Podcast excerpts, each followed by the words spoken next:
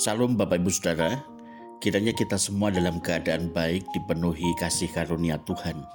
Mari kita berdoa. Tuhan Yesus kami bersyukur Engkau memberikan kepada kami banyak contoh kehidupan supaya kami belajar untuk menjalani kehidupan yang benar sesuai kehendak-Mu.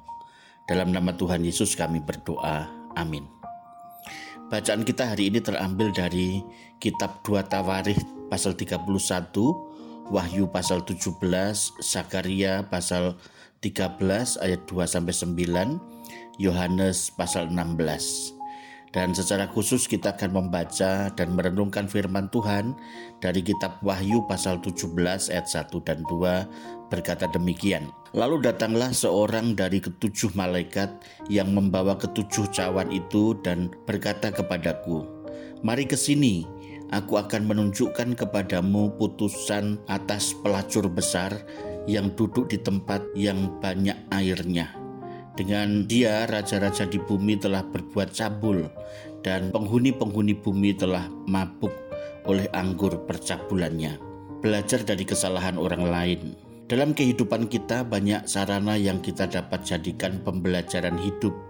Bukan belajar secara formal di dalam kelas, dan menghabiskan buku-buku bagus, tetapi kita juga perlu belajar tentang kehidupan yang sudah dijalani oleh orang-orang terdahulu yang telah dikisahkan di dalam Alkitab. Nah, dalam kitab Wahyu pasal 17 ini, pelihat yaitu Yohanes memberitahukan dalam penglihatannya keadaan orang-orang yang hidup seperti di zaman Babel. Banyak nubuatan mengenai akhir zaman itu dikaitkan dengan kata Babel dan pelacuran. Babel yang pertama muncul dalam peristiwa Menara Babel kalau kita membaca kejadian pasal 11 ayat 5 sampai 9 yaitu memperlihatkan pemberontakan manusia kepada Allah. Manusia ingin mengklaim kemandirian dan kebebasannya. Manusia seolah-olah ingin mengatakan bahwa dirinya telah dewasa dan tidak perlu bimbingan Allah manusia ingin menjadikan dirinya sendiri menjadi Allah. Karena itu, manusia membangun menara Babel agar manusia tidak begitu saja dimusnahkan oleh Allah dalam peristiwa air bah. Babel yang kedua ialah kerajaan besar yang menjadi alat bagi Allah untuk menghukum umatnya oleh karena ketidaktaatan mereka sehingga umat Allah menjadi tawanan dan orang asing. Kalau kita baca satu Tawarikh 9.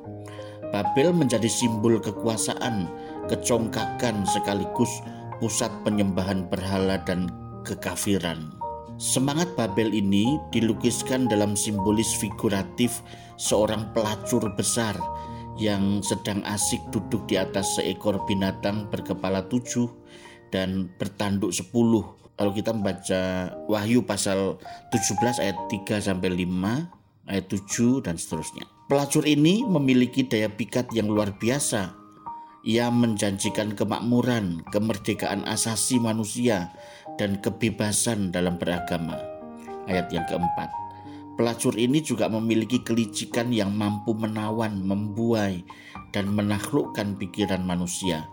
Dengan kepintaran berbahasa dan berpidato, semua bangsa-bangsa bertekuk lutut di hadapannya. Pada masa gereja saat ini juga kita menghadapi pergumulan yang sama. Perkembangannya pengetahuan dan teknologi serta cepatnya informasi dalam jangkauan yang tidak terbatas menjadi berkat tersendiri namun juga sekaligus menjadi tantangan. Oleh karena manusia memperjuangkan dirinya untuk menjadi Allah bagi dirinya sendiri. Oleh karena itu kita perlu waspada dan tetap melekat kepada Tuhan. Mari kita berdoa. Tuhan tolonglah kami menggunakan semua sarana dalam kehidupan kami untuk memuliakan Engkau. Kalau kami bisa hidup dan melakukan ini dan itu semuanya oleh karena anugerah Tuhan. Kami berdoa dalam nama Tuhan Yesus. Amin.